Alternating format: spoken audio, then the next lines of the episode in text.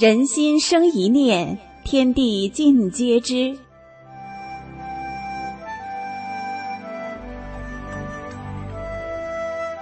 听众朋友您好，欢迎收听明慧广播电台《善恶一念间》节目。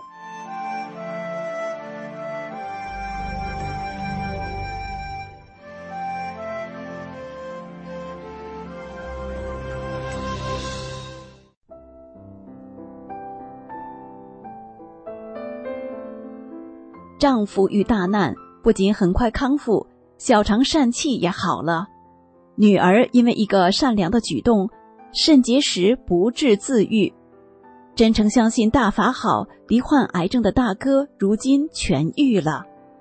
请听故事：乱世中人人得福报的幸福之家。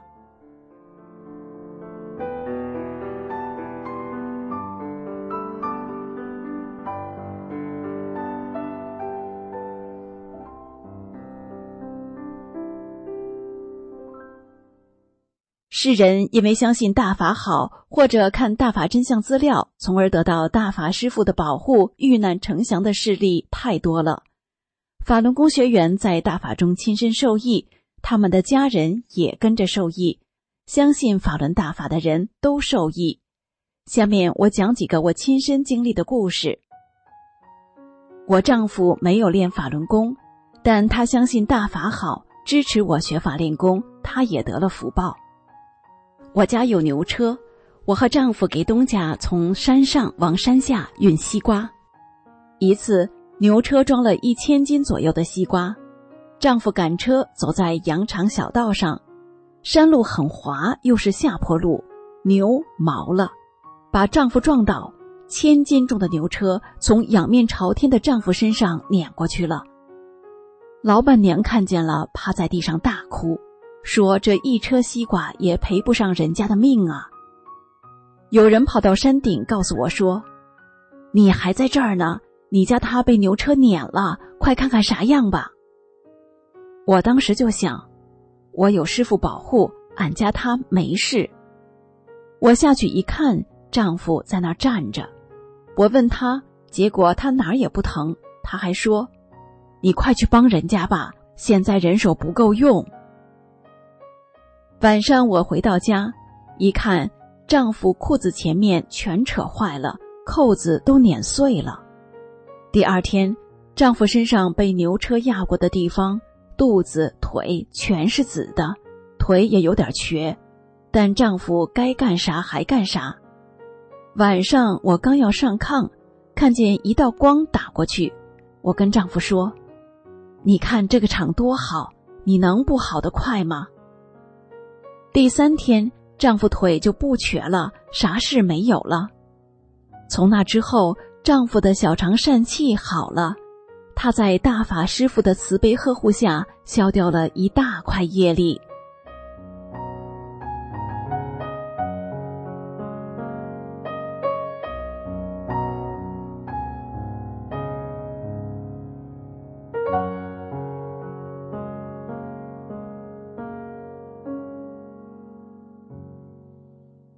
小外孙三岁的时候，我领着他去大姐家，他家炕上铺着两块皮革，拼接的地方有缝，孩子被绊倒，一下子就磕在窗台的瓷砖棱上，人中被拉了一个大口子，一寸长，很深，几乎要透了，但没怎么出血。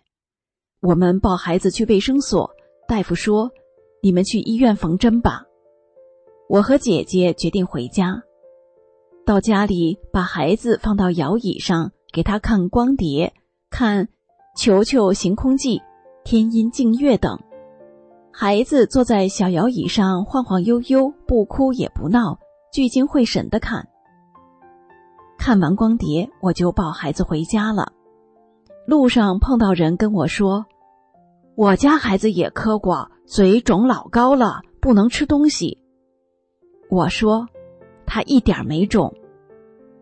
过了几天，孩子的伤口已经完全愈合。我女儿因为一个看似小小的举动而得了大福报。有一次，女儿看见地上有一张写着“法轮大法好”的粘贴，她就想，这是大法的东西，来来往往的车从上面压过去，他们无形中在造业呀，快点捡起来吧。于是他把粘贴捡起来，又到路边的馒头店要了一个塑料袋，把粘贴装进去，拿回家。女儿在怀孕时曾得过肾结石，当天晚上她做了一个梦，梦里有人给她做手术，她在梦中还想，做手术多疼啊，可是她没觉得疼，有人告诉她手术做完了。从那以后，女儿的肾结石没有了，到医院检查，医生说，哪有肾结石啊？我和女儿说。姑娘，你因为善良的一念，所以师傅把你的肾结石拿掉了。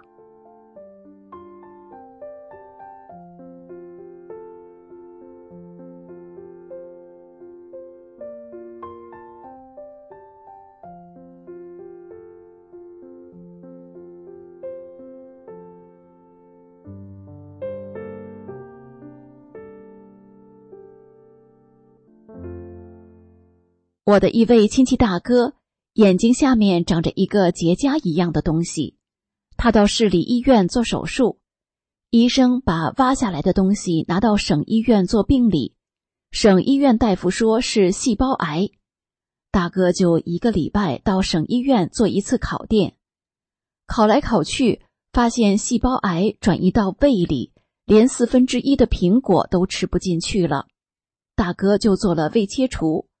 这时人已经不行了，啥都吃不进去。我劝他说：“大哥啊，你就念法轮大法好，真善人好吧。”我劝大嫂也一起念，又给他送去了师傅讲法录音的小广播让他听。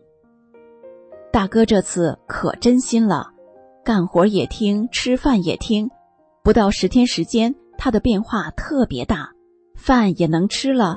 精神头也足了，他病好了以后，把师傅讲法的小广播还给了我。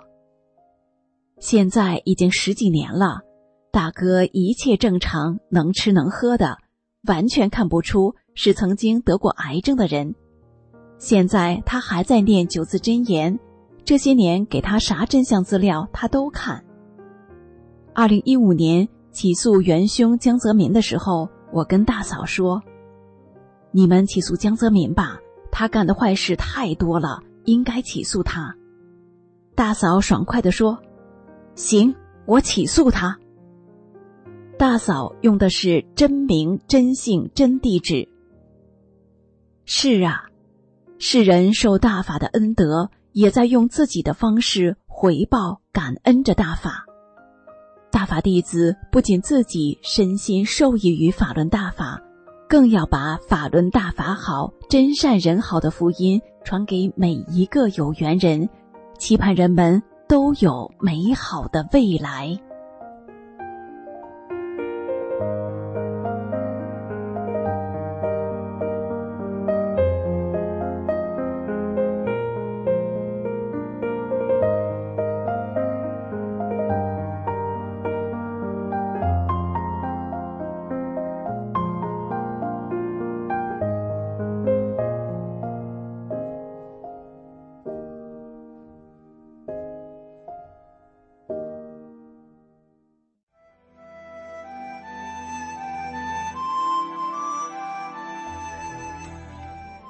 听众朋友，今天的善恶一念间就到这里，感谢您的收听。